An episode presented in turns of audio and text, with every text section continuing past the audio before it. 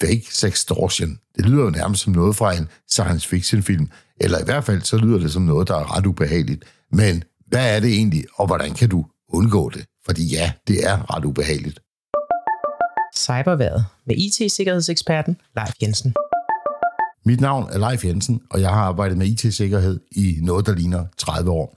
Jeg har opbygget en hel del viden og erfaring undervejs, og den vil jeg gerne dele med dig, så du undgår at havne i de kriminelles fælder.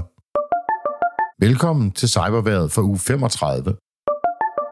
I takt med, at AI-værktøjer bliver stadig mere avancerede og komplekse, så finder de cyberkriminelle nye, ondsindede måder at bruge dem på i deres angreb og kampagner. Noget af det nyeste er at bruge AI i sextortion-kampagner, og fra amerikanske FBI lyder det nu en advarsel om, at der er en markant stigning netop her. De cyberkriminelle de bruger AI-værktøjer til at skabe seksuelle deepfakes fra uskyldige billeder i forsøg på at afpresse folk. Sextortion er som udgangspunkt ikke noget nyt. I mange år har de cyberkriminelle forsøgt at overbevise folk om, at de har billeder og videoer af deres ofre i seksuelle situationer, som de vil offentliggøre, hvis ikke offeret betaler dem nogle penge. I langt de fleste tilfælde er det naturligvis løgn, men nu kan de altså bruge AI-værktøjer til at tage helt almindelige billeder fra for eksempel sociale medier og ændre dem, så det faktisk ser ud som om deres ofre befinder sig i seksuelt kompromitterende situationer. Noget af det, vi har set, er, at disse kunstigt skabte billeder, de bliver brugt til en af to ting. Enten så forsøger de kriminelle at forlange penge for ikke at dele billeder eller video med venner og familie osv. Eller også så forsøger de at afpresse specielt unge til seksuelle ydelser eller sende flere seksuelt orienterede billeder, videoer til dem. For at skabe de her billeder, der bruger de cyberkriminelle værktøjer, vi alle betegner som AI, men som i virkeligheden er neurale netværk, der er yderst avanceret og som er meget effektive til at skabe kunstige billeder, videoer og måske endda lydfiler. De her værktøjer, de kan tage et helt almindeligt billede fra sociale medier, og så kan de transformere det til et pornografisk lignende billede eller en video, og så skabe noget, der ser ret overbevisende ud. Det er rigtig dårligt nyt, for den her teknologi, den bliver bedre og bedre for hver eneste dag, der går.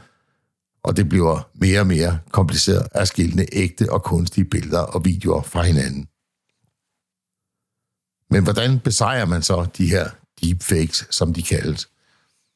Det er jo i sagens natur utrolig let for cyberkriminelle at få fat i helt almindelige billeder af uskyldige ofre, og så bruge dem i deres kampagner. Ikke mindst fordi vi lever i en verden, hvor vi deler alt muligt online. Billeder af os selv, vores familier og venner, og vi gør det konstant og hele tiden. Det giver deepfake-værktøjerne masser af informationer at arbejde med og skabe nye og overbevisende materialer. Derfor er det vigtigt at være på forkant og gøre så meget du kan for at minimere risikoen for dig og din familie. Jeg har samlet et par gode råd til, hvad du kan gøre for at minimere risikoen for at blive ramt af deepfakes. Nummer 1. Inden du lægger video, billeder og personlig information online, så tænk dig grundigt om. Det mest uskyldige indhold kan teoretisk set misbruges af kriminelle og bruges til at skabe en deepfake med. Nummer 2. Sæt dig ind i privatlivsindstillingerne på de sociale medier.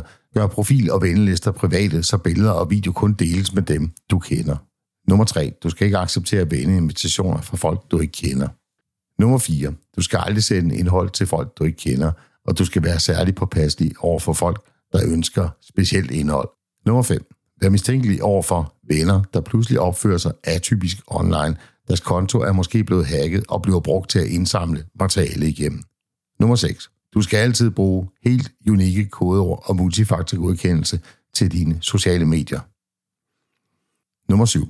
Med jævne mellemrum, så søg efter dig selv online og se, hvilken personlig information og billeder, eller måske endda videoer, der er offentligt tilgængelige på for eksempel en Google Search.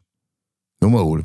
Overvej at lave en omvendt billedsøgning for at se, om der er offentliggjort billeder eller videoer uden din godkendelse. Nummer 9. Du må aldrig sende penge eller grafisk indhold til ukendte personer. De vil bare bede dig om mere. Nummer 10. Alle forsøg på seksuel afpresning, sextortion altså, det skal rapporteres til politiet og det relevante sociale medier. Nummer 11. Alt deepfake-indhold, som du spotter, det skal rapporteres til den sociale medieplatform, det nu offentliggøres på. Det var cyberværet for denne gang. Vi høres ved igen i næste uge.